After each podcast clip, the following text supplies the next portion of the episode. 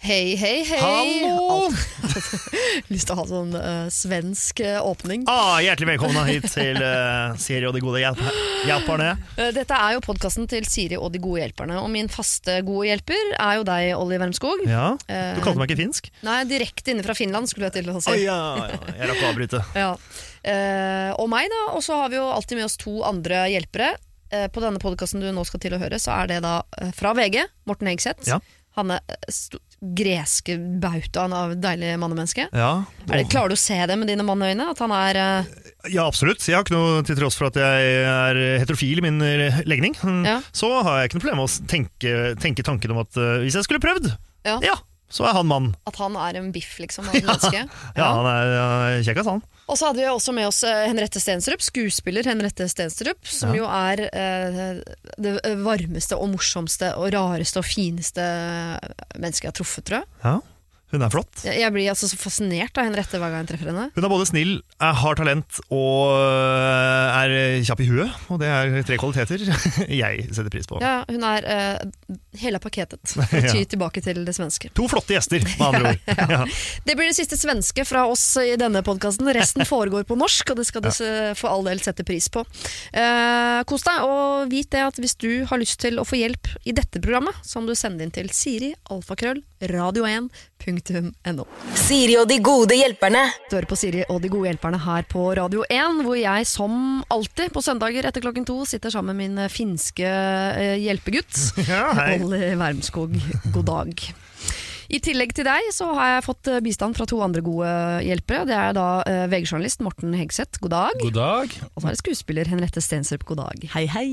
Hvordan uh, er livet deres for tiden? Vil dere si at det er et uh, Er dere på et bra sted? Trenger dere hjelp? Eller? Ja, ikke på sånn veldig bra sted. Jeg svinger veldig mye, men i går så hadde jeg sånn liten depresjon. Trodde jeg at For jeg hadde vært litt sånn klinisk litt sånn stille i hodet, så tenker jeg nei og nei og nei, nå har det ramma meg. Jeg blir veldig sånn påvirka av når folk snakker mye om angst og depresjon. Så får jeg det en gang. Men så gikk jeg tok hodebunnsmassasje og ble et nytt menneske. Er det sant? Ja, Bare med en hodemassasje? Eh, Hodemassasje funka som bare det. Kom hjem òg til forsinka valentinsgave fra mannen min, som hadde kjøpt ironisk nillepute med love i glitter. Champagne og sjokoladehjerter. Så det er greit. Men du har også klart å massere bort uh, en fiktiv Depresjon. angst Ja. og depresjon. Ja, ja, ja. godt råd. Jeg betalte 350 kroner ekstra for det. Når jeg var til frisøren, så sa de sånn, vil du ha hodebunnsmassasje? Jeg bare, eh, ja, det vil jeg. Og da førte de meg inn i et sånn rom som var helt mørkt, der de satte på Enja-musikk, satte på røkelse og masserte liksom, hjernen min. Og det funka. Kunne jo fått angst av det, da. Nei da, det Nei. fikk jeg ikke. Jeg sovna og våkna opp som et nytt menneske. Eh, rart spørsmål kanskje, men tror du den massasjen hjelper fordi det er så tett på hjernen, eller kunne en fotmassasje hit sammen noe? Ja, Ikke at frisører driver med det, med mindre du har ekstremt hårete tær, da, men eh, det, det, jeg tror kanskje du har rett i det, men jeg blir veldig sånn hekta på ting. I en periode så gjør jeg yoga, for jeg tror yoga hjelper mot alt, og så tar jeg ansiktsmaske, for jeg blir glad av det, og nå er det da tydeligvis hodebunnsmassasje. Så jeg, i hodet mitt så fant jeg ut at det, det, det løsna opp noen sånne stive muskler rundt her, sånn der det lå angstknuter som da forsvant. Herlig. jeg mener jo at frisører må være rausere med masseringa. Men, ja. Syns du ikke de er det? Syns de er ganske greie? Kommer litt an på hvor man går. Hvis man går til eh, noen av de fine, flotte frisørene. eh, Nå mener jeg ikke utseendet. nå Sånn gevir og sånn, der alle kjendisene går. Ja, da får du litt av hvert, holdt jeg på å si, i hodet. I hodet. Ja. Men hvor mye slapper man av når Camilla Pil og Vanessa Rujord og Jenny Skavlan sitter rett ved siden av er og ser ut det. som en million dollars? Det gjør det ikke, ass. Nei, det, det er sant. Men hvis du går til en sånn 150 kroners eh, frisør et eller annet sted, så får du jo lite hodebunnsmassasje. Ja. Ja. Jeg har alltid vært usikker på uh, hvor mye man kan uh, på en måte uttrykke at man liker den massasjen. For det er jo Det er jeg usikker på. Ja, for Man vil jo gjerne signalisere at det du gjør nå er veldig veldig godt for min kropp, og jeg, jeg foretrekker at du fortsetter med det du gjør. Og det er jo uh, stønning det internasjonale språket vi bruker i de tilfellene Ja, jeg går alltid jeg går sånn, det, det tenker jeg ofte på. Jeg går sånn Åh, åh det er så deilig. Åh, åh, Du må bare mer- gjøre det om til sånn gubbestønning. Sånn. Ja. Nei, du, må, så virker det du må legge inn i at det- du, du syns det er vondt godt. Ja. Ja. Hvis du sier sånn ah, det er bra, Hvis du legger inn sånn, du kommenterer sånn spesifikt, sånn at det er bra, eller Ah, nei, men der, ja. Eller, Men hvor vondt kan det være når de tar med fløyelsfingre inn i hodebunnen med hårkur og runker i hjernen din? Det Ja, er nei, ikke det så er sant. Jeg tenkte på sånn vanlig massasje. Jeg skal bestille time. Sportsmassasje. merker jeg. ja, altså, jeg òg må rett til frisøren, liksom, eh, merker jeg. Så Alle sånn, hever øyenbrynene. Drit i farging og klipping, jeg skal masseres. Men du da, Henriette, hvordan din Hvordan er det for deg for tida? Jeg syns jeg er på et bra sted. Eh, hektisk, litt vondt i knærne. Um, men det er godt skiføre. Da er jeg ganske blid. Ja, For du har langrennsjente, du. Det legger jeg merke til på Instagram. Ja, jeg er glad i å fortelle om det litt på SoMe, ja. Ja. Har du vært på en skitur du ikke har lagt ut på sosiale medier? i det siste? Ja da, ja da. Ja, Ja. Jeg har det. Så det er enda flere. Er, Fikk du sagt det òg? Litt irriterende med sånn skientusiaster på Instagram, eller? ja, det er jo dødsirriterende. Men, Ja, men eh, ikke hvis det er ekte. Det er med, jeg synes, Nei, jeg vet ikke. Ja, for det er- er De som gjør det mye, det er det jo ekte. De som gjør det én gang, så skjønner jeg at man blir så stolt av det øyeblikket hvor man føler seg liksom mer i kontakt med befolkningen enn ellers. At man, at man har lyst til å poste det. Nei, jeg forståelse Jeg for syns begge ikke det er irriterende på Insta. Jeg har bare tenkt sånn at du går, trodde egentlig at det var sånn tøysepost du hadde lagt ut med Jon, ja, at dere var på ski. ja, så bra, så bra. Men det var faktisk ekte. Oi, var. For Jon filma uten meg, og da hadde jeg den fineste Det var jo sol og nydelig Ja, helt perfekt. Ja. Du snakker om Jon som om det er eh, mannen din, så det er veldig fint. ja. Da er det jo Bru Vi snakker snakker om Brungot. Brungot, ja, beklager det. Det er jo eh, nesten det. Jeg er jo mer sammen med han nå enn uh, han jeg er kjæreste med. Ja. Fordi vi spiller show sammen og lager uh, TV-serie til jul. Ja, det er sant det. Hvem er mest sporty av de to? Det lurer jeg på. Gjett, da! Eh, Jon er jo veldig Alle sporty. tror det liksom. er Jon! Han er kjempeslapp! Er han slapp, Ja, han type? vil ikke ut av hjemmet sitt. Jeg husker Før trodde jeg han var litt tjukk, men så så jeg nærmest. Nei, han er jo uh, muskuløs. Det er jo Ja. noen mennesker man tenker på avstand at uh, er tjukke, og så viser det seg at de bare er veldig sterke. Ja, sånn som meg òg. Uh, Men han er ikke, han er ikke slapp. Nå, unnskyld. Eh, han trener, men han Ja, det trener 20 meter utafor døra si inn i et sånt treningsstudio. Han er ikke ut der. nei, mens mannen din han, er sånn, han løper og står på kjøtt. Jeg lurer, på, en- jeg lurer på en ting. Ja. Jeg og Vegard, min kollega som jeg jobber med eh, i VGTV, måtte ta en sånn løgndetektortest for noen dager siden. Der ble vi spurt om ubehagelige spørsmål, og så var et av spørsmålene har du noen gang fantasert seksuelt om Vegard og Morten. Har du noen gang, du noen gang tenkt på Jon å ligge med Jon? Nei, det kan jeg svare helt ærlig på. Er du sikker? Ja, for jeg blir helt kvalm av tanken. Det er mange andre jeg kunne sagt ja på, til og med kanskje Vegard og Morten. Men ikke, men ikke Jon Brungot. Men det er bare fordi jeg føler han er broren min, liksom. Det vil være helt uh, groteskt, nesten. Det har jeg hørt deg si før, for jeg tror jeg har spurt deg om det en gang. Men jeg lurer på om vi skulle kjørt en løgndetektortest på akkurat det der likevel. Altså, for det kan, er, men jeg er villig til å ta den. Ja.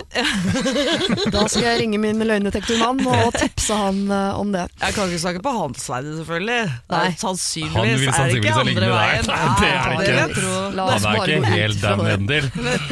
Dere, Vi har bedt det norske folk om å melde sine problemer inn til oss, fordi uh, vi elsker problemer, rett og slett. slett. Siri alfakrøll radio1.no. Straks skal vi se om vi kan hjelpe Ada, som lurer på om hun ikke har en aldri så liten lesbisk romanse gående.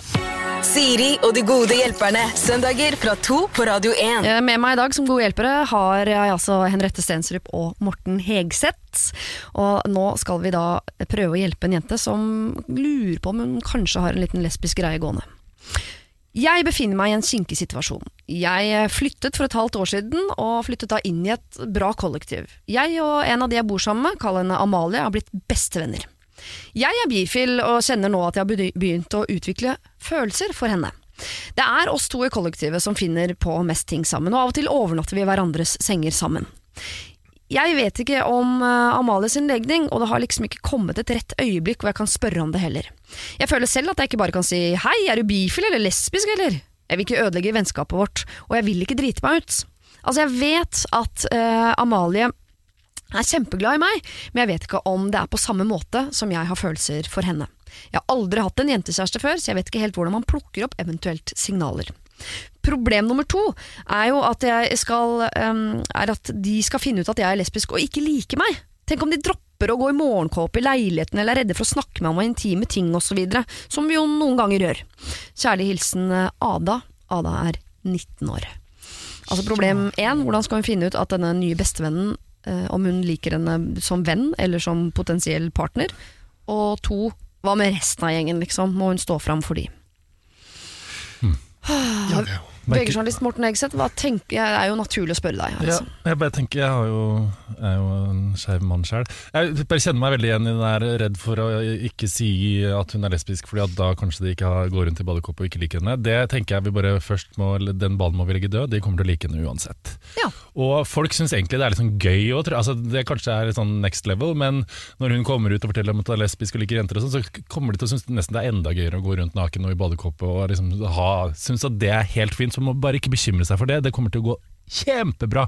Og så tenker jeg jo umiddelbart at den der spenninga når du går og flørter med noen, men du ikke veit om det er gjengjeldt, eller du ikke er helt sikker, flørter vi, flørter vi ikke, det er jo en uhyre fantastisk tilstand å være i, fordi at det er så, det er så veldig erotisk. Skjønner du hva jeg mener? Ja, ja. Det, er no, det, det har enda ikke skjedd noen ting, men man er litt kåt og man er litt forelska. Du veit ikke om det er forbudt eller ikke. ja, altså, det er noe ja, sånn, jeg bare merka at jeg ble litt sånn misunnelig på den tilstanden der, men de må jo finne ut av det. Ja, og så har hun jo et S i ermet også. Eh, Eller hun Ada har jo et S i ermet ved at hun eh, kan ha muligheten til å gå, si komme ut da, og si at hun er lesbisk. Ja. Eh, og så holde an, så hun hun da prøver seg på, eh, kan eh, tenke sitt og tenke sånn Å ja, det er interessant. Nå fikk jeg en annen tanke om de gangene vi har ligget i seng sammen. eh, Eller kanskje hun får den samme tanken, så det er hennes tur til å ta inch.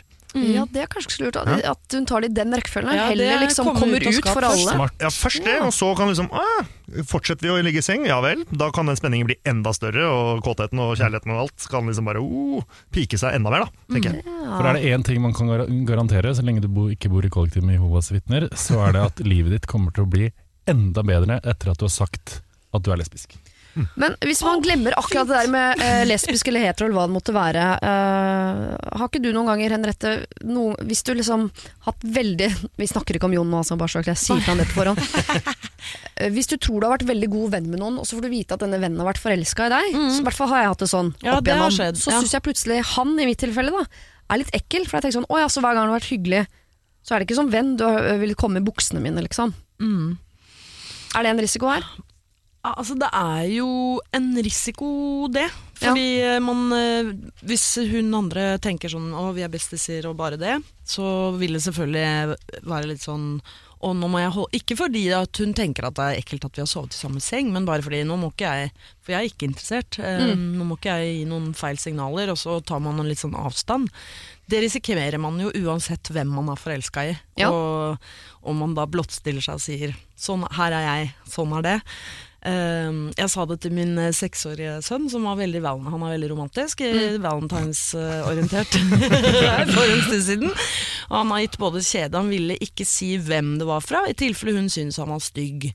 Eh, og det Tenk at det kommer så tidlig, og vi vokser aldri Jeg fra vet det, det er grusomt. Og... Men det er jo hele risikoen med å være forelska, på en måte. Nå er hun jo litt usikker på om hun er forelska òg, da. Det er jo, så jeg tror at både Morten og Ollie har helt rett. Man må kanskje ta det i den rekkefølgen. Si først til ikke kanskje på et allmøte, men liksom finne en anledning til å si at øh, å ja, hun, øh, hun liker jeg, hun kunne, hun kunne jeg ligget med, pekt på noen på TV. Beyoncé. Ja. Hun skriver jo at, det er, at, de har, eh, at de innimellom snakker om intime ting osv. Alle som bor i dette kollektivet. Det er vel et sted hvor man bare kan eh, plante den nyheten. Ikke som noen sånn der eh, tabloid VG-nyhet, men, men mer som en sånn eh, liten info, liksom. Og Men- se hvordan da eh, kollektivet reagerer, og denne Amalie, som hun jo liker litt ekstra godt av. Min løsning er jo alltid på, hvis jeg vil ha fram en side av en sak som jeg egentlig ikke tør å spørre om, er hvis man drikker litt, sier sånn Nei, skulle vi ha lekt litt nøtt eller sannhet, da? Så kjører man en runde. Eh, Klassisk spørsmål er Har du noen gang fantasert om noen av det samme kjønn? Ikke sant. Eller en eh, 'jeg har aldri' drikkeleken. At man planter noe info om seg sjøl der. Man gjerne vil at resten av gruppa skal vite. Å, dere er smarte. Jeg har aldri vært lesbisk. For eksempel. Det er så gøy når den leken går fra sånn Nei, jeg tør ikke å si noe siden den går til skryting, så man bare sier ting man faktisk har gjort. da må man sette ned ølflaska og gå videre. Eh, kjære Ada, kanskje du skal ta det i den rekkefølgen. Legg det fram som en uh, infobit til de du bor i kollektiv med, og se uh, Du vil antageligvis erfare at de uh, digger det, og så ser du da hvordan denne venninnen din reagerer etter det. Fortsetter hun å ligge i samme seng osv., så, videre, ja, så kanskje det er liksom neste steg, og gir deg en mulighet til å fortelle at du liker henne litt ekstra godt. Siri og de gode hjelperne. Vi skal ta et uh, problem fra en uh, voksen dame. Altså hun er 29 år, så hun er jo ung voksen dame på mange måter, men allikevel godt voksen. Hei sann, jeg er en 29 år gammel kvinne som tar tar etterutdanning eh, på universitetet. Til vanlig er jeg mellomleder i en bedrift, eh, og den jobben er veldig spennende, men dessverre blir det fort rutiner når man har vært et sted mange år. Jeg har så lyst til å satse på karriere, og målet mitt er å søke en lederstilling i samme bedrift. Problemet bare at sjefen ser ut til å kun ansette menn over 35 som er med han på høstjakta. Og det er ikke kødd. Jeg jakter ikke på dyr og har virkelig ingen, ingen interesse å gjøre det heller. Den indre veganeren i meg våkner til live, og jeg nekter å leke med våpen for å få meg jobb. Jeg vet at jeg har eh, mer enn nok kompetanse og bedre ferdigheter for å gjøre denne jobben. Jeg vil også kunne være med å utfordre de typiske holdningene her i bedriften, eh, som den virker gjennomsyret av. Altså setninger som eh, 'sånn gjør vi det her' får meg til å klikke hvis det kommer nye forslag på bordet, men ideer aldri blir løftet opp dit de skal. Den totale skrinleggingen av enhver mulighet for kreativitet er altså så provoserende. Jeg har god tone med sjefen, og jeg vet at han syns at jeg er flink. Hver gang jeg søker på lederstilling, blir jeg allikevel innstilt som nummer to. Hver gang betyr altså nå tre ganger på under halvannet år.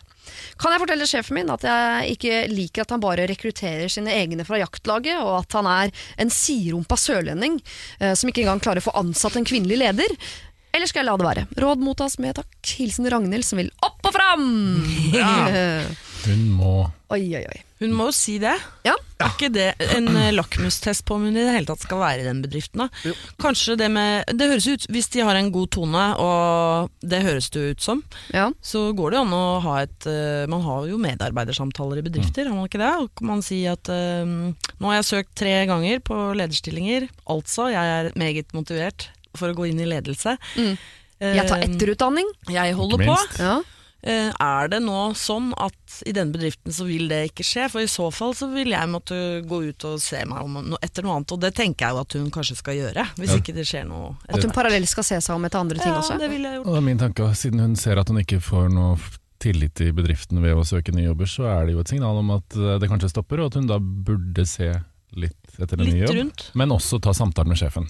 Ja, fordi, og det høres jo også ut som om det faktisk er en litt sirumpa bedrift, hvis, eh, hvis kultur, bedriftskulturen er litt sånn 'sånn gjør vi det her', så høres det ut som hun eh, på mange måter allerede har, tenker ganske mange ting om den bedriften hun er i, så kanskje hun skal inn i en annen type bedrift. Og Det høres ut som de trenger en i ledelsen hvor også venstre hjernehalvdel er aktiv. Og det er ikke Ja. nødvendigvis en kvinne, men i hvert fall en eller annen sånn det er jo en del av et eh, større problem, da, at eh, det er stort sett er menn som er i lederstillinger. Så kommer jo an på hennes eierskapsfølelse til, det, til den bedriften. Hun trives jo veldig godt, da. Ja, så kanskje for å, eh, Det blir jo mot sin hensikt, men bra på lengre sikt. Ja. Eh, Ikke mot sin hensikt, men det blir en, en dårlig ja, ok. Det jeg tenker er, hvis hun allierer seg med eh, noen, for det kan være litt vanskelig som en, eh, som en dame å gå til en mann som tydeligvis liker andre menn i lederstillinger, og si 'hei, jeg syns det du gjør er, eh, ikke er bra'. Jeg kunne tenke meg den jobben. Både snakker du for deg selv, og du blir hun, eh, som det dessverre er nå. At man kan si du blir hun. eh, som, Hun som sier ifra. ja, eh, og da blir det enda bitrere. Så hvis du allierer deg med noen, kanskje en annen dame eller en annen mann eller flere, som kan, kan være med å liksom snakke deg litt opp og gå inn og ta den samtalen som en, en slags intervention, da. Eh, Ja. og si eh, du, dette er jo ikke, dette er jo ikke greit. Nei. Du, du helt tydelig kjønnskvoterer. det må du gjøre noe med. hvis hun er redd for å liksom gjøre seg til uvenns med sjefen, som man ofte er, jeg er i hvert fall Ja, ja, veldig sånn autoritetsangst for, for alle, Ja, For han kan si 'ikke noe problem', og så plutselig så får du aldri en lederstilling. Nei, og så blir du dyttet bort eller ned. Men uh, hvis man går inn til en sjef med en litt sånn åpen holdning, istedenfor å si sånn 'unnskyld meg, jeg legger merke til at jeg ikke blir innstilt til', ikke sant? Men at man heller sier sånn 'jeg har søkt tre lederstillinger, jeg lurer på Ja. hvorfor eh, jeg ikke har fått de. Er det Ja. noen måte Kan du fortelle meg litt om hva dere tenker?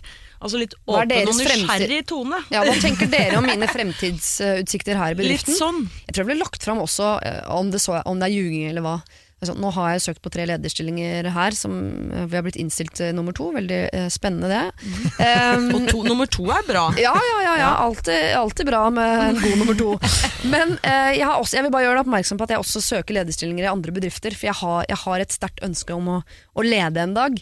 Eh, så jeg vil bare at du vet det. Så kanskje istedenfor å gå inn med sånn Du, det er jaktlagutta dine. Hvis man går inn med litt sånn anklagende for sjefen, så kan han jo gå litt i forsvar. Åpen og nysgjerrig. Ja, og så tror jeg hun rir en enormt deilig bølge av likestilling som det er veldig mye fokus på nå. Eh, også i bedrifter, så hun har jo liksom alt med seg når hun Ja. diskuterer sjefen med deg. Og så tenker jeg også, Hvis hun føler at det er litt sånn å, egoistisk og sutrete, eller hun føler at det er sånn dust av seg sjøl å gjøre det, så tenker jeg sånn Tenk på de andre kvinnene som er mellomledere som skal komme seg til toppen. Vi trenger kvinner på toppen. Ja. Og hvis du går inn der og tenker sånn Dette gjør jeg for kvinner over hele Norge, så blir det litt sånn mindre teit for å gjøre det, òg, selv om det ikke er teit. En større sak. Ja, Kanskje ikke du trenger å alliere deg med noen, kanskje bare mentalt trenger å alliere deg med alle kvinner som også vil opp og fram, og så går du i møte med sjefen din. Men ta og se deg litt rundt om å jobbe andre steder også, og gjør sjefen din oppmerksom eh, på det. Fordi vi merker jo bare i mailen din at du har eh, det som skal til for å være en god leder. Lykke til. Siri og de gode hjelperne. Vi skal eh, til en jente som ønsker å være anonym, men jeg eh, velger å kalle henne for Vida, og dere kommer til å skjønne hvorfor snart. Hva ler dere av? Sa jeg noe feil? Nei, Jeg så Morten bilder på så bilder på etter sin telefon. som ikke var ment for han. Sitter dere og multitasker der borte? Nei, unnskyld. Unnskyld. Nei, det Har var du vist veldig bilder av typen din naken nå? Nei, det har jeg ikke. Morten nikker ja, bekreftende på det der. Ok, Skal vi Se om dere klarer å skyve Ja, nå må vi konsentrere nakenbilder eh, til sides, for vi skal hjelpe deg denne, denne eh, Keep Vida. safe er en fin mappe til informasjon. Hei! Jeg er en evig singel jente. I sommer prøvde jeg å gjøre noe med saken, og dro på singeltur med Turistforeningen. Der var det en gutt jeg likte veldig godt. Vi fikk ganske god kontakt, og etter turen har vi chattet masse. Og vi har møtt hverandre flere ganger. Problemet er bare at det aldri skjer noe, og jeg blir forvirra over hva han egentlig vil. Når vi møtes, er det alltid god stemning, men ikke antydning til tilnærmelser. Tror du han bare vil ha en venn? Er jeg sjenert? Når vi chatter, kan han være litt mer frampå. Har dere noen tips til hva jeg kan gjøre? Hilsen med en som er litt på vidda. Altså Vida, som jeg valgte å kalle henne. Først og fremst arrangerer Turistforeningen singelturer. Oh, Ja, yes, ja, Ja, det visste jeg ikke. Det er for seint Ja, ja, ja. for din del. Ja, ja, det er, ja er det det? Eller skal du gå med grønn lue fra hytte til hytte? Oh, ja, det er det grønt Det er der, ja. Ja. Du? Men han har jo vært på sånn tur. Er ikke det første Jo, da er, du, da er du klar for å få den, da. Ja. Ja. Ja. Ja, er ikke det på en måte Det er det mest tydelige signalet du kan gi på at du det er ute etter. Det er tydeligere enn Tinder, liksom. For Tinder kan du være utrettet ute etter andre ting, men på singeltur på vidda Så jeg hadde ikke brukt liksom, et år på å gruble over om man kanskje var interessert i å få seg noe. Det tror Jeg han er. bare kastet meg over han på Ja, en ja, ja. eller annen kjøkkenbenk. Det er to forskjellige måter å gjøre sånn på. Han jeg er gift med, er en sånn røyskatt som du ikke veit at du ligger med før du ligger med han. Og så er det andre som bare sniker han inn liksom tar han ut og sier sånn 'skal vi ligge sammen'? Jeg, jeg er litt sånn. Eh, Og jeg tenker kanskje hun må lære, bare kjøre på og ta ut penisen og si 'skal vi ligge sammen'? Nei, det er ikke gjør det, men Mm. bare være ganske tydelig, da. Ja, men jeg må på, på vegne av eh, en, å være en ganske sånn tydelig kvinne selv, så vil jeg si at akkurat der så, så ønsker jeg at det er mannen som skal være tydelig, fordi jeg føler meg ganske usexy når jeg også på den arenaen skal være the hunter, liksom. Så jeg skjønner at kanskje Vida sitter og venter på at han skal bare uh, få fram uh, steinaldermannen i seg, at han skal være litt mer sånn Jeg, jeg er litt han. Han øh, Steinaldermann. Steinaldermann. Nei, Du holder nei, nei, nei. tilbake. Jeg holder tilbake. Ja, du holder Ja. tilbake. Ja, jeg liker, jeg, og det syns jeg er spennende. Uh, når, øh, hvis man driver og dater, eller da man driver og data uh, damer, og så merker jeg at uh, her, er, her er det noe. Jeg er i hvert fall interessert. Og så, ja, jeg skjønner at det er irriterende, men det gir, det gir meg Men når du først er på banen, da er du der, eller? Ja, ja, ja, det da- er viktig. Ja, ja, da er det jo så fort Jeg bare venter, men jeg vet ikke om jeg hadde venta et år. Eh, Det hadde jeg ikke gjort. Men eh, jeg hadde i løpet av et par, la oss si tre-fire dater, da, vært litt sånn ja, blanding av sånn ja, jeg viser respekt for grenser eh, på en sånn tullete måte. Og Ja. så eh, Og han vil jo møte henne. Kan Ja. jeg komme med et helt konkret tips? Ja, Mer konkret enn det kjøkkenbenken-tipset du Ja, kom inn det, unnskyld, det var veldig voldsomt. Men de er jo friluftsfolk, Ja. begge to. Ja.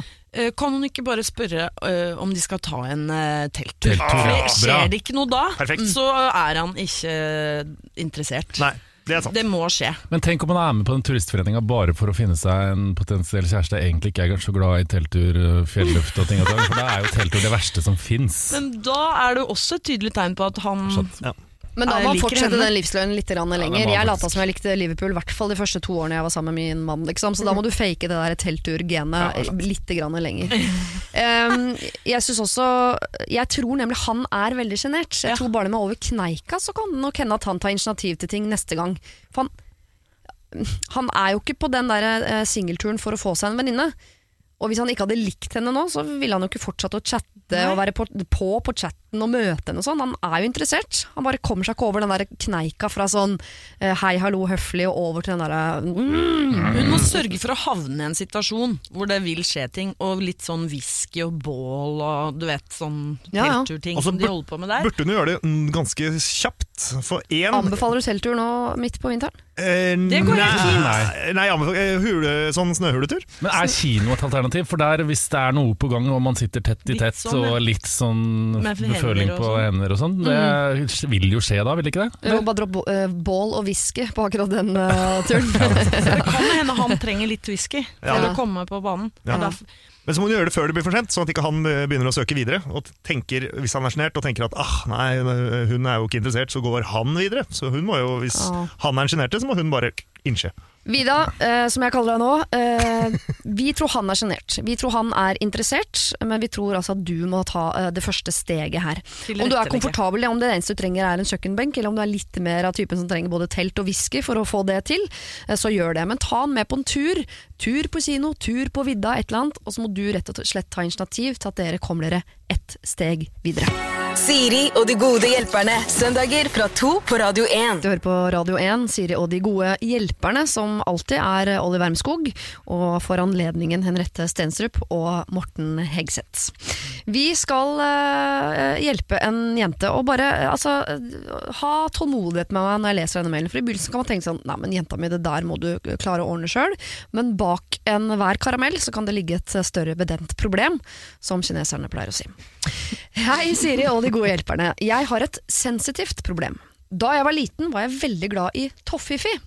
Det kuriose, eh, kuriøse produktet med en hasselnøtt i midten, en klatt sjokolade rundt med en underside av karamell.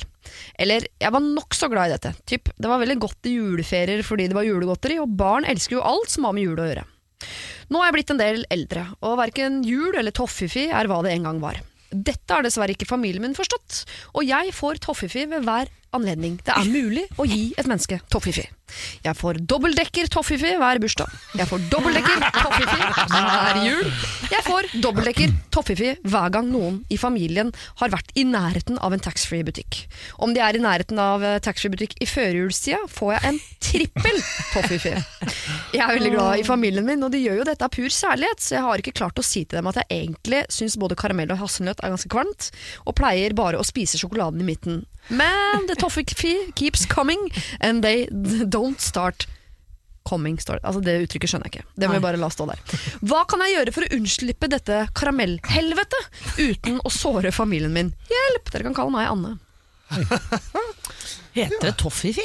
Ja, det heter Ja. Toffifi. Vi hadde diskusjoner om det her for to dager siden. For jeg var på kino i Moss og skulle se eh, film, og så kjøpte vi godteri. Salte padder, 29,90 sto det på skjermen. Så la vi til litt Toffifi, så ble summen 169,50. Det er så dyrt. Ja, men det er Toffin. Det er Det var ja! ikke Toffifi på, i Moss kino. Toffifi Toffifee er jo den der franske med nøtt med svart på. Det var den som vi før bare fikk på taxfree, men som vi nå dessverre av og til får kjøpt på Del de Luca og andre. Ikke sant? Jeg det er hadde ikke noe også gøy lenger. cravings på den da jeg var yngre, som har gått over. Ja, det er syk. Jeg pleide å gi til jul til venninnen min da jeg gikk på Det er den, det er Altså, og så er det Fierro Rocher. Ja. Det er de to som skiller seg ut i sjokolademengden. Men Annar får altså Toffefi eh, dobbeltdekker og trippeldekker ved enhver anledning. Og, øh, Og det blir jo verre og liksom? verre for jo lenger tid det går òg. Det er jo no, en sånn ting. Men Ja. hun kan jo være glad for at hun ikke får liksom strikkavotter av bestemor som hun hater, eller uh, bilder som mamma syns er romantiske, nei, fine som hun gir hver jul. For det hadde jo vært litt sånn sårere å si 'dette vil jeg ikke ha', for det er jo noe de, Noe de har lagd og brukt lagd tid og på. brukt tid på mye sånn verdi i. Dette er jo en sjokolade som Crava den var ung. Ja. Så jeg tenker hun kommer jo ikke til å liksom Ja, pluss at Bilder hadde vel sikkert følt at det må jeg henge opp vottene om jeg bruker osv. Ja. De toffefiene kan hun jo gi videre eller kaste i søpla. Eller Ja, men det er ikke så miljøvennlig, da. Nei, så er det sikkert litt irriterende, for du kom, når du får de der, så står de og hoper seg opp, og så har du sikkert litt større ønske om å være sunn nå som du er voksen enn når du var barn, så begynner du å trøste, spise de toffefiene som du egentlig ikke liker. Altså, det er jo en ond sirkel, det der. Videre, videregava? Bare pakke den inn, og så sende Nei, du den kan ikke regifte toffeefie, da må det være 70. Å ja, Ja. vel, ja. Men ja. er det en mulighet her for å enten skrive en fellesmail altså, Gjøre det på en litt sånn artig måte da eh, til hele familien, eller den man stoler mest på, ja. og si jeg har vokst fra Toffifi. Unnskyld, jeg elsker dere, men, eh, men eh, er faktisk har, jeg har spist nok toffefi i livet Skryte på seg en livsstilsdiabetes Det går an òg. Ja. Allergi, kan du si for det? Allergi kan Men- du skryte på. Hasselnøttallergi er jo Det kan Det komme, det. Det er reelt, det. Ja. Jeg har det, jeg. Og så er det også veldig Jeg er veldig glad i grilla stekt laks. Ikke så veldig glad i stekt laks men nå. Spiste meg forderva. Altså, spiste meg for mye av det, og jeg syns det er noe ekkelt. Det kan du jo si at du har Vet du hva, jeg har spist så mye toffefi i mitt liv at nå har jeg kommet til det punktet der det gjør meg skikkelig kvalm. Og det, er jo, det er jo sannheten også. Ja. Og det kan Men du si. Noen ganger, jeg tenker at uh, jeg har jo vært i den eh, situasjonen hvor jeg har måttet fortelle min mor at hun dessverre er utrolig dårlig på å gi gaver. Eh, og det var veldig alt jeg ikke vil ha. Eh, og det var en litt ubehagelig situasjon for meg, men jeg så også at hun ble veldig lei seg. Og det skal man ikke glemme at når folk gir gaver, så handler det om den som du gir gaven til. Men det handler også ganske mye om å gi. Og jeg tenker at det er, det er ikke så farlig å få masse toffefri. Ta det med videre på jobben, eller hvis det gleder familien din at de er sånn Altså De gleder seg til å gå på taxfree. De tenker sånn, Nå skal jeg kjøpe toffefi til Anne. Jeg tenker at hun ikke skal ta fra dem den gleden. Jeg må si at det er litt hardere å si 'mamma, du er talentløs på å kjøpe gaver til meg', enn å si 'jeg liker ikke toffifee. Det er to vidt forskjellige ting. Jeg syns din versjon er hakket verre. Jo, men det er verre for meg også, fordi eh, potensielt fra mamma kan jeg jo få eh, den slalåmbuksa jeg ønsker meg, men når du da får håndblåste glass i syregrønt, liksom, så blir man irritert på at man har brukt pengene på det.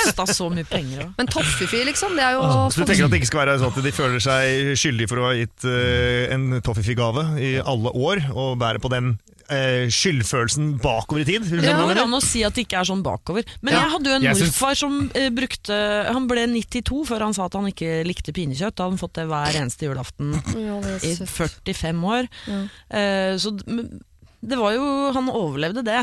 Men eh, det hadde jo vært lov å si 'jeg tar gjerne noe annet'. En pinnekjøtt. Ja. Men jeg syns løsninga til Henriette er ganske god, og så gjør det på en litt sånn humoristisk måte å si kling, kling. Jeg har nå blitt voksen, og med det så har jeg fått litt bla, bla, men jeg har også vokst fra toffefi. Det er litt sånn artig måte å Ok, jeg blir med er dere. Jeg hopper opp i den båten dere nå står i og sier at nå har du jo ganske mange måter på deg til å, å kvinne deg opp til å stå fram med dette. For jeg syns du skal gjøre det neste jul. Når du allerede har pakket opp litt toffefi og familien er samlet, så tar du kling kling på glasset og legger det fram som en litt morsom nyhet. Jeg elsker toffefi før. Jeg har spist makan på det. Jeg liker faktisk ikke hasselnøtt engang. Og så blir det antagelig, håper vi, en morsom greie. Eller en førjulsfest, så de slipper å kjøpe all den før jul. Ja, kanskje du skal ta rett før jul, også. Eh, fortell oss hvordan det går, for hvis vi har ødelagt familien nå, eh, at relasjonen er ødelagt for bestandig, så eh, kommer vi til å ha det veldig vondt med det, og lærer av våre feil, og gir ikke det rådet en gang eh, til. Siri og de gode hjelperne. Mail oss på siri at radio1.no. I dag er det VG-journalist Morten Hegseth og skuespiller Henriette Stensrup som er sammen med Olli og meg. Og eh, Tidligere denne uka her så fikk jeg mail fra en Kanskje dere vet hvem det er? Standup-komiker Martin Lepperød. Eh, som har altså en veldig rar historie om sin bror. Han har satt sin bror i en utrolig pinlig og vanskelig situasjon og har hatt dårlig samvittighet siden og lurer på hva han kan gjøre for å gjøre bot, rett og slett. Jeg har ringt Martin for at han skal få lov til å fortelle denne helt crazy historien selv, for jeg tror ikke jeg klarer å gjenfortelle den like godt som Martin selv vil kunne. Martin, er du der? Jeg er her, ja. Ja. Du, eh, kort bare dra oss gjennom den historien hvor du satt din bror i en eh, veldig pinlig situasjon. Eh, ja, ok. Ja, det, det er jo egentlig en sånn eh, Ikke liv og død, men eh, det kunne vært det. Ja? Eh, for vi har Altså, jeg og broren min er jo fra Nesodden, eh, og der er det ikke så mye å gjøre. Så vi fant på en ting som vi kalte da Team Corino, som er Team Naken. Ja. Eh, som er en dårlig start. Eh, så vi bestemte oss for å, å starte nakenløp på Nesodden eh, med et par venner av oss. Mm -hmm. Uh, og det da går ut på er at vi løper da rundt nakne uh, alt fra klokken ti på kvelden til tolv på natta, på en måte. Da må jeg bare uh, gjøre Norge oppmerksom på at Nesodden har ikke noe sentrum, så det er jo litt sånn i periferien dere har løpt rundt. ja, det er i mark og åker og, Ja. og litt veier. Eh, men det er folk der, altså. Absolutt, det bor masse uh, avdanka kunstnere utpå der, det vet vi. Ja. uh, og vi er altså Vi har egentlig hatt en ganske bra løp, mange dager. Bra løp. Mm. Uh, og så gikk det skeis en kveld. Uh, hvor det er altså tre rånere som får farten av oss. som ser meg, da broren min og et par andre gutter løpe nakne over veien. Ja. Og de bestemmer seg for å, å ta oss. Ja. eh, og begynner å kjøre da etter oss. Og det er ikke noen sånn vennlig kjøring. Det er sånn de skriker ut av vinduet at de er på vei. Altså de skal ta oss, da. Og du føler at du er på Eh. revejakt, og du er reven, liksom? Ja, og jeg er naken. Jeg, og det er ikke noe Det er, det er kjip situasjon der. Eh, altså, så vi løper nakne alle sammen, og nå er det på liksom bikka over til det punktet at nå er det ikke noe gøy lenger. Nå er vi nakne, og vi vil hjem, og det er skummelt, det som skjer. Eh, så vi prøver å ta en snarvei. Vi skjønner at hvis vi løper langs veien, så blir vi tatt. Eh, så vi kommer da til eh, et fjell måte, som vi ikke er helt kjent med. Eh, og vi ser ned, og da er det Du ser litt ned, og så blir det mørkt. Så du ser ikke noe mer. Du ser ikke hva du lander i hvis du hopper ned her. Nei. Og det ender da med at det er noe knuffing og dytting, for vi er ganske mange gutter som står på tuppen av fjellet her, hvor jeg blir dyttet og drar med meg broren min i fallet. Ja. som er en kjip ting å gjøre. Men jeg lander heldigvis i myk mose. Eh, Ja. Og jeg hører at broren min lander i en myr. Ja. Eh, og det er helt sånn, det var ganske dyp, den myren. Eh, så nå har han han har blitt sugd ned helt, helt i brystkassa, liksom. ja. Eh, og jeg vet ikke hvor mye erfaring du har med myr, men det er ganske vanskelig å komme seg ut av. Nei, jeg har ikke noe erfaring. Jeg bare vet at allerede som barn så var jeg livredd for kvikksand. Som jeg, så det var ikke kvikksand. Nei, men det er den voksne versjonen av kvikksand. Eller det er liksom den ekte versjonen av kvikksand, det er myr. Eh, så det er ikke sånn at han synker, synker lenger ned, men han kommer seg ikke opp. Nei, Og hva gjorde du da? Eh, det som skjer da, er at jeg, jeg har nå valget eh, i Jeg kan enten løpe, eller så kan jeg redde broren min, fordi rånerne er jo på vei. De kommer jo, de. Men så er det en sånn tanke i hodet om at hvis jeg hjelper broren min opp, og vi begynner å løpe, så er han litt raskere enn meg. Så jeg fikk panikk, og så ser jeg på broren min og tenker at jeg tror det beste er at du blir her, og så løper jeg egentlig. Ja. Eh, Så jeg beina, jeg løp fra broren min, eh, og det blikket jeg ga han rett før jeg løp, var liksom sånn jeg- prøvde å si beklager med øynene mine, og så bare beina jeg av gårde. Ja. Eh, Og han ble ikke tatt, men han, når han kommer da en time senere, alle gutta møtes, Anders er ikke der, eller han broren min, eh, så kommer han tilbake og er sånn nedslitt av myre og, eh, og er, er sånn lei seg nesten. Ja, han har jo Eh, sett hvordan du reagerer i en krisesituasjon, og er skuffet over deg. Ja, og det jeg syns var kjipest med det, er at han ble ikke tatt. Eh, selv om det høres kjipt ut. Jo, hadde hadde han blitt tatt, tatt- så hadde du på en måte hatt rett i din frykt for at det er ikke noe vits at jeg også blir tatt. Er du lillebror eller storebror? Det er tvillingbror. Det er tvillingbror! Ok, Ja, tvillingbror, ja. så er bad cop, good cop dette her da. Men, uh, Ja. Ja, for Hadde han blitt tatt, så hadde det vært greit. Men han ble ikke det. Så når han kommer tilbake nå, så uh, Og vi har jo et veldig sånn sterkt bånd, liksom kjærlig bånd. Han har alltid sett på meg med liksom uh, Med kjærlighet i øynene. Ja. Men det er Jeg ser nå, etter den episoden, så er det blikket forandra seg. hvor lenge er det siden? Eh, jeg tror vi var 18. Nå er vi 25, da. Oi, og det har fortsatt liksom ikke blitt som før. Nei, for jeg har ikke tatt det opp. Jeg har ikke, jeg har ikke sagt noe. Nei, ok. Jeg skal høre kjapt med Henriette og Morten her om de eh, For her er jeg litt lost, rett og slett. Så bare hold linja, Martin. D dere hørte jo sjøl historien. Er det, Fins det en unnskyldning som er god nok nå, eh, syv år senere, liksom? Nei. Nei. Nei. Så de må bare hate hverandre for bestandig? Eller Nei, det gjør de jo ikke, altså. Det Nei, det høres ikke. ikke ut som de gjør det. Det Nei. er jo veldig viktig, da. Men her, dette her, eh, ja, syv år siden, de var da 19, altså 18, 18. og nå er de så 25. Jeg føler at den 25-årstalen, Ja. den eh, kan være ganske lang og Ja. god. ja. Hvis ikke den har vært, da. Og ikke av den ironiske sorten, mer sånn kjærlighetserklæring. Da, da tar du den blå tallen, ja. Som er. Shit. Men altså, det, det, dette her er jo Er det Det nok er jo- til tilgivelse, liksom? Nei. Jeg tror det, fordi søsken tilgir hverandre nesten alt. Ja. Det tror jeg. Søskenkjærlighet er altså så sterkt. Det er mye mer tilgivelse mellom søsken enn mellom foreldre og barn, f.eks. Det Ja. tror jeg. Men bare føler at det her problemet er så stort at det ligger nesten sånn Du må gå i terapi, og så må psykologen si sånn Gå tilbake i tid. Å, det var derfor du valgte å løpe fra din bror i myra, fordi at dette skjedde med deg da du var fire. Det, jeg føler at det liksom er litt større enn sånn Ha, sorry. At dette kommer til å uh, backfire på et eller annet tidspunkt. En julaften, liksom. Ja. 100 år fram i tid. Men det, det, kan jo hende altså, at Jeg vet ikke om det er lille eller stor, men de er er tvillinger. Tvillinger. Ja, Mm. at uh, bror ikke er så At han opplevde dette på en annen måte. Søsteren min har jo sånne bilder av hva hun gjorde med meg når jeg var liten, Ja. som er så grusomme. Men jeg husker det jo ikke. For eksempel at jeg løper etter henne og sier sånn 'Kan jeg bli med? Kan jeg bli med?' Og så sykler hun over meg. Og så stikker hun med vennene sine. Og jeg husker jo ikke det. Jeg bare, og hun snakker stadig om det. Som, Ja. Og det er liksom det vondeste hun har gjort noensinne. Så det kan hende at liksom, for bror så er ikke dette så stort. da. Nei. Kan hende at han følte at han hadde god kontroll i den myra. Martin, eh, det foreslås her eh, Jeg tror jo broren din husker hendelsen, det må vi bare gå ut ifra. Eh, og det foreslås at du skal ha en utrolig god tale i 25-årsdagen. Ja, den har allerede fylt. Ja, Den har vært, det. Og Da er det kan 30-årsdagen i så fall. da. Eller et bryllup, hvis du kan rigge det. Det beste hadde vært om du kunne rigge et bryllup og holde en tale der. Eh, egentlig så tenker vi at det er litt grann håpløst, men det er jo trist, for eh, den kjærligheten mellom brødre er altså så utrolig sterk. Så her merker jeg, inni meg, at det må uh, mer drastiske tiltak uh, til verks. Hvor bor okay. broren din? Ja, han bor i Bergen. Han bor i Bergen, ja. Da drar jeg til Bergen. Eh, og så kommer jeg til ja, Jeg kommer til å dra til Bergen og møte broren din. Og så kommer jeg til å gi han Jeg skal se hva jeg kan skaffe, liksom. Jeg skal gi Ja. han et eller annet som er så uh, bra at han kommer til å gjenvinne sin kjærlighet til deg, sin tvillingbror. Ok, Er det greit? Men jobbe Ja, ok. Ja, jeg setter min tro til det. Ja. Jeg, jeg, jeg gir meg selv en uke på å finne på et eller annet som er altså så uh, fantastisk at han ikke kan noe annet enn å vekke det lyset i øynene sine igjen når han ser på deg. Ok, men det er godt å høre. Da, eh, ja, det setter jeg pris på at du prøver i så fall. Du, Vi snakkes litt nærmere etterpå, og så får jeg litt kontaktinfo på hvor han broren din, broren din bor. Og så setter jeg meg på tog rett og slett, ja, innen kort tid. Og stikker av. Ok, ja, men tusen takk. Det er håp. Det er håp. det er håp.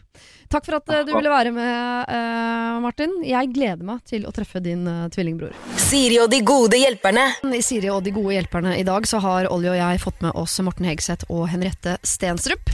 Og vanligvis så dypdykker jeg inn i Siri Radio 1.no for å finne problemer, ja. mens du dypdykker inn i nyhetsbildet for å finne folk som ikke har bedt om hjelp. Ja, jeg gjør så godt jeg kan, og den uka her, da, så nå etter disse OL-tider, så har jeg, som da var i Sør-Korea, eh, så har jeg jo eh, lagt merke til, eh, og en hel verden har lagt merke til, eh, to land som eh, har begynt å kile hverandres hender, eh, som før var ett land. Eh, Vi snakker Sør-Korea og Nord-Korea. Ja.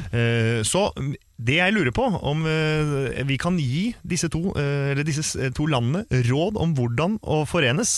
På en, antageligvis er det to statsledere som bare må finne en god måte å snakke på, eksempel. Eh, Men er det noe annet? Er det noe vi kan bidra med som jeg kan Google Translate og sende på mail til på nordkoreansk og sørkoreansk? Hvordan vi skal surfe videre nå på den gode bølgen de har hatt liksom under OL, med litt, litt i hvert fall dialog. Ja, og jeg ser dere driver og peker på hverandre, for det er, dere trenger ikke å gå inn i en sånn politisk eh, må vite for mye, men hvordan forener man to som har vært bitre fiender, eh, til å bli venner? Jeg tenker Kanskje vi skal liksom tenke litt sånn Norge-Sverige. Ha litt sånn nordisk råd. Eh, dele ut noen sånne litteraturpriser. Ja. Altså ha noen sånne uh, vennskapskamper innenfor uh, pingpong eller fotball eller et eller annet. Altså at man begynner der med litt sånn kulturell utveksling og hygge. Ja. Nå er det jo to, to land som De sliter jo litt på hver sitt vis. Ja, Men, så det, det hjelper kanskje ikke veldig, men litt der. da, begynner litt i det små.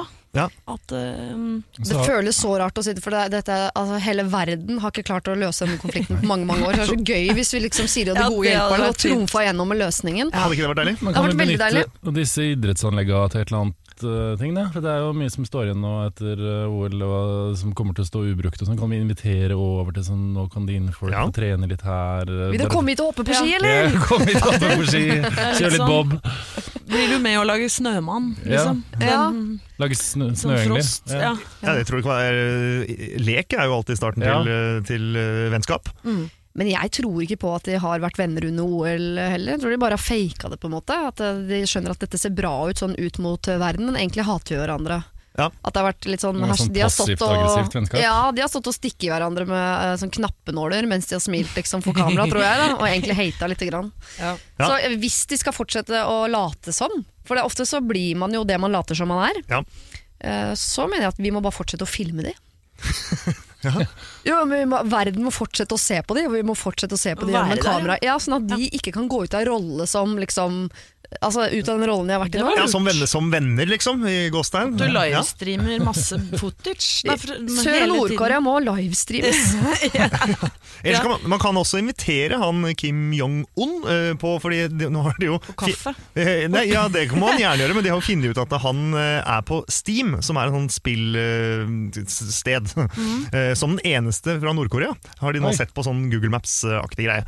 Så det er jo, Gaming er jo populært i Sør-Korea. Man kunne invitert han som sånn eh, hovedgjest. Til sånn LAN-party. På LAN-party, ja. Det er jo dritsvært, det. Ja, LAN-party her i Norge er jo i den gamle skøytehallen på Hamar. Jeg Ja. regner med at et eller annet sted Pyeongchang eller en naboby så ligger det en skøytehall. Kanskje skal ha LAN-party der hvor de eh, spiller Steam sammen. Ja, men Da er det bare han som får lov til å komme. Det er jo Jo, Han er vel den eneste i, i, Ja, i sitt land som som har internettilgang. Ja. På en måte. Så kanskje han kan eh, invitere med seg en sånn delegasjon som også får lov til å, oppdage dette nydelige universet som internett er. Eh, Om å lære seg Steam. Og det er litt hardt, da. Først få vite hva internett er, og så rett på LAN-party. Er- Læringskurva er veldig bratt der. Ja.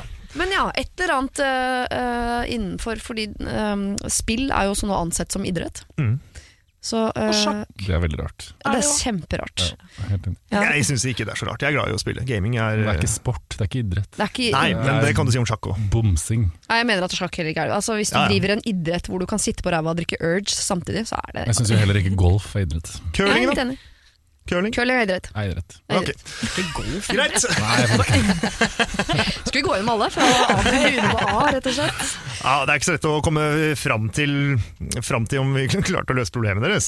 Jo, men jeg syns du skal Google translate i hvert fall noen av de tingene vi har sagt. I forhold til at Nå må dere fortsette å invitere hverandre til sports, sportslige arrangementer. Og om det er innenfor gaming, eller om det er noe mer sånn aktivt. Mm. Det får bli opp til dere. I hvert fall at dere bruker idrettsarenaene i tiden framover, og inviterer hverandre til lek og moro. Det syns vi. Hilsen Siri og de gode hjelperne. Siri og de gode hjelperne. Vi skal over i den seksuelle verden, og i dag tar jeg da med meg Henriette Stensrup, og Morten Hegseth og Olli Wermskog inn dit. Er dere eh, mentalt klare for det? Mm. Ja. klar. Ja. Hei! Som fattig student i utlandet, der ekstrajobb ikke er særlig lukrativt, har jeg vært inne på tanken på å skaffe meg en sugar daddy. Mest pga. nysgjerrighet lagde jeg meg en bruker, eh, men fikk overraskende mye respons. Noen ganske shady forespørsler, eh, forespørsler, men noen som faktisk kunne vært aktuelle. Så til problemet. En mann på 30 år som ser helt grei ut og virker snill, har tilbudt meg et par sko for å bli med på middag med en intim avslutning på hotell. Vi snakker sko av typen Louboutin. Det er de svarte med rød såle, er det ikke Det det? fineste Spør deg, Morten. yes. ja. Er det innafor å ligge seg til et par sko? Eh, det er jo strengt tatt det samme om man ligger med noen man har funnet på Tinder eller på en sponsorside. Må nevne at, han er, eh, at jeg har en veldig snill familie hjemme som gjerne hjelper til økonomisk dersom det trengs. Jeg vil være anonym, jente i starten av 20-årene. Jeg kaller henne Sugar Babe. Sugar Jeg lå med noen for spraytan en gang. Altså Drev han et spraytan-studio, Nei, det var, vi var på en, det er mange, jeg tror det var 2007, så var vi på en eller annen sånn så siden, det fest på Bygdø allé. Så var det en eller annen sånn stylist som ville ligge, jeg ville ikke ligge, men så kom jeg på han jobba for Selina Middelfart, eh, som hadde en sånn salong på Frogner, og de var per da de eneste som importerte Saint-Tropez. Som er liksom den beste spraytan som, Som du er på sånn 7-Eleven, Ja, som du nå får på 7-Eleven, helt riktig. Han prøvde og prøvde, jeg tenkte nei, nei, nei, nei, nei. Så kom jeg på oh, de har Saint-Tropez, og han jobba der. Og så fikk jeg han til å låse oss inn på Middelfart salonger på Frogner klokka to på natta. Vi lå, jeg fikk med meg fem bokser Saint-Tropez hjem. Det, jeg har ikke slitt så veldig mye med det ettertid som psykisk, bortsett fra at det er en sånn litt artig historie. Men ehm, Og dette føler jeg er litt samme Lobotas for ligging kontra Saint-Tropez for ligging. Kanskje hun har eh, litt bedre nivå enn meg. Ja, er verdien av fem sånne runder med Saint-Tropez versus et par Louboutin-sko, er det ca. det samme? Eh, Eller? Ja, jeg tipper På den tiden var På den det det. tiden var det det. Ja. Men forskjellen er, var det avtalen hadde gikk inn? Hadde du allerede av...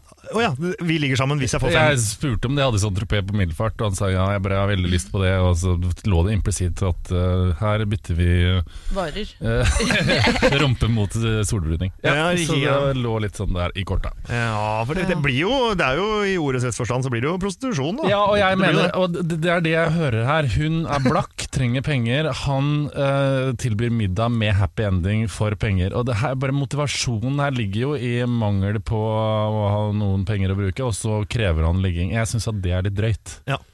Hadde det for Ja. sugar daddies er ikke, det er ikke nødvendigvis ligging. skjønner du. Det er ofte Nei, men sånn Intim avslutning kan jo være liksom eh, fotmassasje Nei, det kan det ikke. Nei, nei, Intim nei, avslutning. Det er avsugning. Ja, Det er avsugning. Ja. Men eh, også tenker jeg litt sånn eh, Trenger man de skoene når man er student? Kan man ikke vente litt med de? Altså Heller eh, liksom få litt hjelp hjemmefra. ja. Nei, man trenger jo ikke, Det er derfor hun ikke kan spørre familien. Hun kan ikke ringe sånn 'Hei, fattig student, mamma kan dere hjelpe meg økonomisk, jeg trenger Louboutin-sko'. Altså, det er jo ikke riktig. Hun har lyst på. Ja, hun har lyst på de skoene. Ja. Og hun, det virker ikke som hun liksom tenker at det er helt usaklig å bjuda litt grann på uh, kroppen. Det er litt høy pris, ass. Jeg føler pris. at det er uh, ikke verdt det. Ja. Eh, At prisen hen, altså at jeg tenker at her kan man uh, sitte igjen med et par ja. og føle seg ganske råtten. Jo, Jeg men tenker det. hvis hun går på denne middagen, da Nå prøver jeg, jeg prøver ikke å pushe prostitusjon her, men bare. øh, bare lite grann.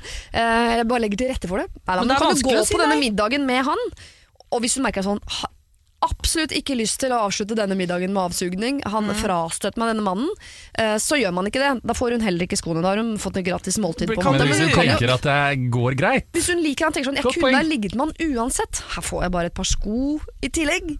Så er det bare å kjøre på. Ja, jeg, jeg går motsatt retning. Jeg syns hun bør styre unna. Hvorfor? For, fordi eh, en, Punkt én. eh, Ja. du, det er, du, er på en side. Det er prostitusjon.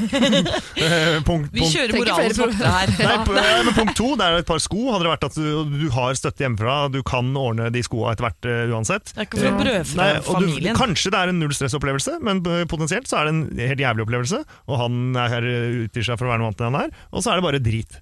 Men la, prostitusjon Jeg har vært veldig veldig imot både prostitu, prostitusjonering og hallikvirksomhet. si. Men det er fordi at jeg, tror, jeg har aldri trodd på at det er frivillig. Jeg tror alltid at det ligger noe tvang her. Men det, vi skal huske på at dette er totalt frivillig. Hun går Ja. på date for å få seg Et par sko. et par sko så det er ikke, den triste greia er jo ikke her. Nei. Nei, men Da ville jeg lagt det bort punkt én, men punkt to er jo fortsatt der, for min del i hvert fall. Altså Hele trafficking-bildet og sånn er jo ikke med i spillet. Nei på en måte Men tenker så- man pusher litt sånn grensene her, da. Du, Ja. du, ok, er dette noe du har lyst til å fortelle din framtidige kjæreste når du blir 28? Ish. Kommer du til å bære de skoene med stolthet, eller kommer hvert skritt til å føles eh, litt grann vondt i tissen? Liksom? Da er det jo ikke verdt å ha de skoene. Nei. Eh, Nei. det er det bare du som sitter på svaret på, dessverre, kjære Sugar Babe. Men jeg personlig mener at du kan gå på middag. Og hvis du har lyst til å ligge med han uansett, så Ja. kan du ligge med han. Så at de skoene er jo bare en gave i etterkant. Han kommer til å bli rimelig vil- sur hvis hun ikke blir med, da. Hvis hun ah. først går på middag. Ja, ja, men han blir sur. Det kan vi leve med. Siri og de gode hjelperne. Søndager fra to på Radio 1. Ja, og vi skal over til et problem som er veldig veldig hyggelig. Altså Det er en jente som er så sykt forelska i kjæresten sin at hun vet rett og slett ikke hvor hun skal gjøre av seg. Nå har denne kjæresten Han har straks bursdag, og da lurer altså denne Line på hva hun skal gi. Jeg ringte opp uh, Line. Uh, Line, hallo? Hallo. Hei. Du, Hvor lenge har du vært sammen med kjæresten din, sa du? Eh, to og en halv måned. To og en halv måned. Og han er eh, det mest fantastiske mennesket du noen gang har møtt, selvfølgelig. Yes. Ja. Og så har han bursdag nå eh, Om en uke. Om en uke. Og hvor, gam eh, hvor gammel er du, og hvor gammel er han? Eh, jeg er 22, han er nå 22, blir 23. Ikke sant. Og dette er jo da selvfølgelig første bursdagen dere opplever sammen. Dere har ikke opplevd jul. Dere har ikke vært i en gavesituasjon før, eller? Eh, jo, vi, vi opplevde faktisk jul. Eh, jeg hadde skikkelig problemer med jula, men jeg føler bursdag er liksom enda viktigere. da. Bursdag er enda viktigere. Selv om det er ikke noe rundt tall, han blir 23 på en måte, så du har jo syv gode år på å virkelig finne den store 40-årsgaven. Ja. Men eh, problemet er altså hva du skal gi til en mann som du liker så godt, for at han skal skjønne hvor fantastisk du syns han er. Mm. Ja. Eh, Jeg har med meg Morten Høigseth og eh, Henriette Stensrup. Og eh, har dere noen spørsmål til Line? Ja, kan du fortelle litt om kjæresten din, hva han liker? Er han fotballinteressert? Er han sportsinteressert? Er han musikkinteressert? Eh, han er veldig morsom, eh, og han liker teater og humor og sånne ting. Eh, han liker musikk, men uh, problemet er at han liker skikkelig hard musikk. Sånn superhard musikk. Eh, eh, ja, og vel så det. Um, Er det, er, er det noe han virkelig ikke liker, da? eh, um, Nei, det er det, som, det er det som er litt problemet, da. Fordi vi har på en måte Vi har ikke kjent Altså, jeg kjenner han jo godt, men jeg kjenner han jo ikke så godt. Nei. Sånn, jeg tror ikke jeg klarer å på en måte finne en T-skjorte som bare er sånn Wow, det er skikkelig han! Eller det er ikke han i det hele tatt. Skal du skjønner hva jeg mener? Hva er den økonomiske rammen din, da? Ja, lurte jeg på. Em, det er student Altså, jeg er villig til å bruke penger, altså. Å, du bruker hele studielånet. Å, jeg blir så glad der! Hele sparekontoen. Men det høres jo ut som dere trenger Altså det høres ut som dere trenger en gave der dere får litt tid sammen, sånn at du kan lære han enda bedre å svømme, sånn at den, uh, den T-skjorta neste gang er helt sånn selvfølgelig skal han ha den, på en måte. Ja. Så, Ja, ja, men ja. da blir det jo dobbelt så dyrt hvis det, vi skal gi en gave som uh, du også er med på. Eh, ja, men da går det utover meg òg. Men bor dere sammen? Eh, nei. Nei. Nei. Hvordan bor du? Leilighet eller hybel eller kollektiv? Eh, jeg bor med en venninne. Er hun sånn som kan være borte en kveld hvis du sier det? Ja. Ok, flott. Kjørs, kom deg ut. Det høres ut som du Morten, allerede har satt i gang apparatet ditt i forhold til eh, hvilken retning du skal gå sånn gavemessig. Line, vi skal ta rett og slett en, en runde på det og se hva vi uh, finner ut av uh, her. Og så snakkes vi om litt igjen, er det greit? Yes. Siri og de gode hjelperne. Du hører på Radio 1, og vi er midt inne i et uh, veldig søtt og fint problem som Line har. For Line har en kjæreste hun har vært sammen med bare i en uh, to-tre måneders tid. Uh, hun ga han en julegave selvfølgelig til jul, og nå har han snart bursdag. Hun kjenner han ikke godt nok til liksom gi eh, den T-skjorta som er typisk han, eller, og, eh, eller den konsertopplevelsen som er typisk han. Og i hvert fall for hun eh, jeg synes det virker som hun har litt lyst til å være med på denne gaven, og de har veldig forskjellig musikksmak. Men hun vil gi en gave som som viser liksom hvor utrolig forelska hun er i han.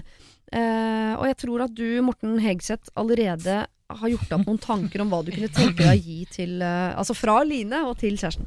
Altså, jeg ser for meg Noe av det mest romantiske jeg vet om, er sånne hjemmedates. eh, og siden hun bor i leilighet med venninne, så tenker jeg vi skal be venninne være borte denne kvelden, og så skal hun invitere han hjem til seg sjøl. Be han eh, pynte seg som om han skulle ha vært på en ordentlig date ute på byen, og så skal hun arrangere middag, eh, servere champagne eller cava, og bare rammen på det skal være hjemme hos de, tenne lys, ha det skikkelig romantisk, og så skal hun gi en gave under middagen eller noe sånt. Og så googla jeg litt nå, hardrock, konserter framover, det er masse kvelertak. Eh, eh, det er jo sikkerstikk hvis du liker eh, veldig tung rock, men det er, CR i garasje det er mye i Bergen, men ikke i Oslo. Men 9. mars så spiller Skambankt på Rockefeller i Oslo. Og det er ganske hardrock, er det ikke? Jo. Eh, så jeg bare tenker sånn billettutvalget framover i hardrockverden oh, Åh, Gud! 17. mars så spiller Mayhem på John D. Å, herre Det min er hatt. vel rimelig Det er jo perfekt. Oi, oi, oi. Og Mayhem, det er fett. Det er, digger du uansett om du digger popmusikk eller hardrock. Og pluss at ok, så kanskje ikke det er hennes smak, men hun er så forelska, og da vil man gjerne vise at jeg gjør gjerne ting som du liker også. Og så er det jo litt klisjé og litt koselig å gå inn i ly ly lyrics-verdenen og finne Mayhem-sitater eller noen hardrock-sitater og bruke det i kortet for å vise hvor glad hun er igjen. Åh, det, er, det er vanskelig å toppe, toppe den, for den, ja. den syns jeg var veldig veldig fin. Det er noe du også kan gjøre. Skal hun kanskje kle seg ut som en sånn sexy goterdame når han kommer på middagen? ja, Nei, nei. Det er perfekt. Jo! Men hva med hvis hun har litt sånn Hun sa jeg vil bruke alle pengene på sparekontoen. Trenger ikke å bruke alle, men eh, det går jo også an å ta en tur. Ja, det er jo en Jeg- sikker vinner. Ja, jeg, jeg personlig elsker jo det. Sånn derre på hotell, Ja, og gå sånn- ut og spise. Kanskje overraskelsestur, da? Være masse sammen. Ja, sånn blå Ja, så du ikke veit hvor du skal, og du bare drar til Gardermoen, og så flyr du av gårde. Det og det. Ja, men Det er jo dramatisk, men det ligger alltid en fare for at den turen ikke blir noen ting av hvis det ikke er utskrevet billetter og ut billetter, da. Ja, det må det være. Ja, det må være Du må bestille billetter og Men det blir litt dyrt, da. Ja, det er litt sånn studentbudsjett der, Altså, men det er ja. mulig å gjøre det sånn Kjøben med tog, Stockholm Altså Men jeg lurer på om jeg vil slå sammen alle tankene som er i rommet her eh, nå. Fordi eh, eh, Jeg vet det er en klisjé, men det er en sann klisjé, og det er det jo ofte. Roma er en ekstremt romantisk by. Hvis ikke du blir nyforelska i Roma, da er det noe gærent med forholdet ditt. Det beklager jeg. Det er beste byen i Og verden. italienere elsker jo eh, norsk eh, hardrock. Så jeg er helt sikker på at hvis du er god på googlinga, så finner du en eller annen Mayhem-konsert eller en eller annen med, med et norsk eh, eh, sånn hardrock-band som skal ha konsert i eller ved Roma. Og så kombinerer du det. For jeg tror, selv om ikke man liker den samme musikken, så er det ganske gøy å gå på sånn heavy konsert, liksom. Ja, ja. Men i Roma, liksom, å være de to nordmennene som er på den norske eh, rockekonserten, men i liksom, verdens mest romantiske by. Men det er sjukt dyrt, da. Ja, det er, det er ikke sjukt dyrt. Ja, det blir fort 10 000, liksom. Ja, jo Ja, da. det blir det. Men det, hun vil jo tømme sparekontoen. Ja da. Og så kan du kombinere, slipper du å hive ut eh, kjæresten eh, Nei, eh, romvenninna mi. Har du hotellrom? Ja, ja, for da dropper vi den første delen av det som Morten kom med, at denne Nei, nei, Nei, nei. alt skal med. Ja. Alt Alt skal skal med. med. Alt skal med. Ja. Alt skal med. ja, fordi da eh, kan du virkelig sånn Å ja, eh, du tok meg ikke med på restaurant engang, vi skal hjem til deg, liksom. ja, og spise. Ja, og Kanskje de har funnet ut av det etter to og en halv måned. Jo, men det er så eh, gøy å klinke til med sånn ta-ta! Gjett hva vi skal etter at du har skuffa litt grann med å varme opp noe Ja, dårlig middag Ja. hjemme hos eh. Ja, jeg trenger ikke å be venninna dra engang. Hun surrer rundt i bakgrunnen der, liksom. En Sunn løper rundt i godteklær. Ja, Det er gøy. ja det er gøy. Å. Jeg tror vi er på sporet. Vi skal snakke med Line igjen og høre hva, eh, om hun er villig til å spytte inn disse 10 000 kronene i denne fantastiske gaven. Eh, Line, hva tenker du om å eh, finne en hardrock-konsert, helst med et norsk band, i Roma? Dra dit. Altså, det høres eh, sjukt nice ut, men vi, har vært, vi er så forelska at vi bestilte billetter til Roma før vi ble kjærester, og vi har vært, allerede vært i Roma. Å, så herlig! Så dere har vært der? Vi var der i januar. Ja, ja da blir det kanskje litt mye. Men hva tenker du om eh, det med å uh, servere en romantisk, uh, men enkel middag hjemme i der hvor du bor, og så at du smyger noen konsertbilletter eller noen flybilletter over bordet et, på et eller annet tidspunkt, sånn at det blir sånn Hva? Jeg trodde gaven var at vi skulle spise middag, og så er det enda mer. Ja, det er veldig min gate. Ja. Helgetur kan ikke gå gærent. Nei, Nei, men Mayhem i mars også er jo ikke, er ikke. Mayhem er bra, ass. ja. Ja, Er du villig Ja, nei, til å men- gå på Mayhem-konsert, eller? ja det er jeg faktisk. Jeg merker at uh, jeg også skal høre med øh, Radio 1-systemet om det er mulig å få på noen Mayhem-billetter. Ja. Ja. Det må Det jo må move that du bus, liksom. Vi må jo få til noe greier her. Vet du, Jeg skal gå rett til ledelsen i Radio 1 og uh, be om om noen Paris-billetter ja, mulig de har noe Hva har dere å gi, liksom? I hvert fall spørre, sjekke om vi kan få noen konsertbilletter, så tar jeg kontakt med deg igjen, uh, Line. Høres det bra ut? helt- Det er om en uke. Ja, da. da, da kan jeg kjøre skikkelig på med, med alt annet også. Ja, du kan det. Ja, ja, ja. Da blir det ikke boksmat. Da kan vi sørge på med skikkelig Da ordentlig blir det ikke kava, det blir champagne. Oi, oi, oi, oi. Dette blir bra. Jeg håper du eh, satt pris på hjelpen vi kunne eh, gi. Og så ser vi om vi kan kjempefint. ta det til nye høyder, rett og slett.